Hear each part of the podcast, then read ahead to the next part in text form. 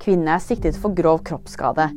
Det skjer etter at to ansatte i går ble angrepet med en skarp gjenstand ved en helsestasjon i Trondheim. En mann er også siktet for medvirkning. De to har enda ikke forklart seg for politiet. Våpenhvilen er i gang. I morgentimene fredag startet den fire dager lange våpenhvilen mellom Hamas og Israel. I ettermiddag melder flere at 13 gisler vil bli løslatt fra Gaza. Når den første gruppen med gisler er tilbake i Israel, vil rundt 30 palestinske fanger bli løslatt fra israelske fengsler.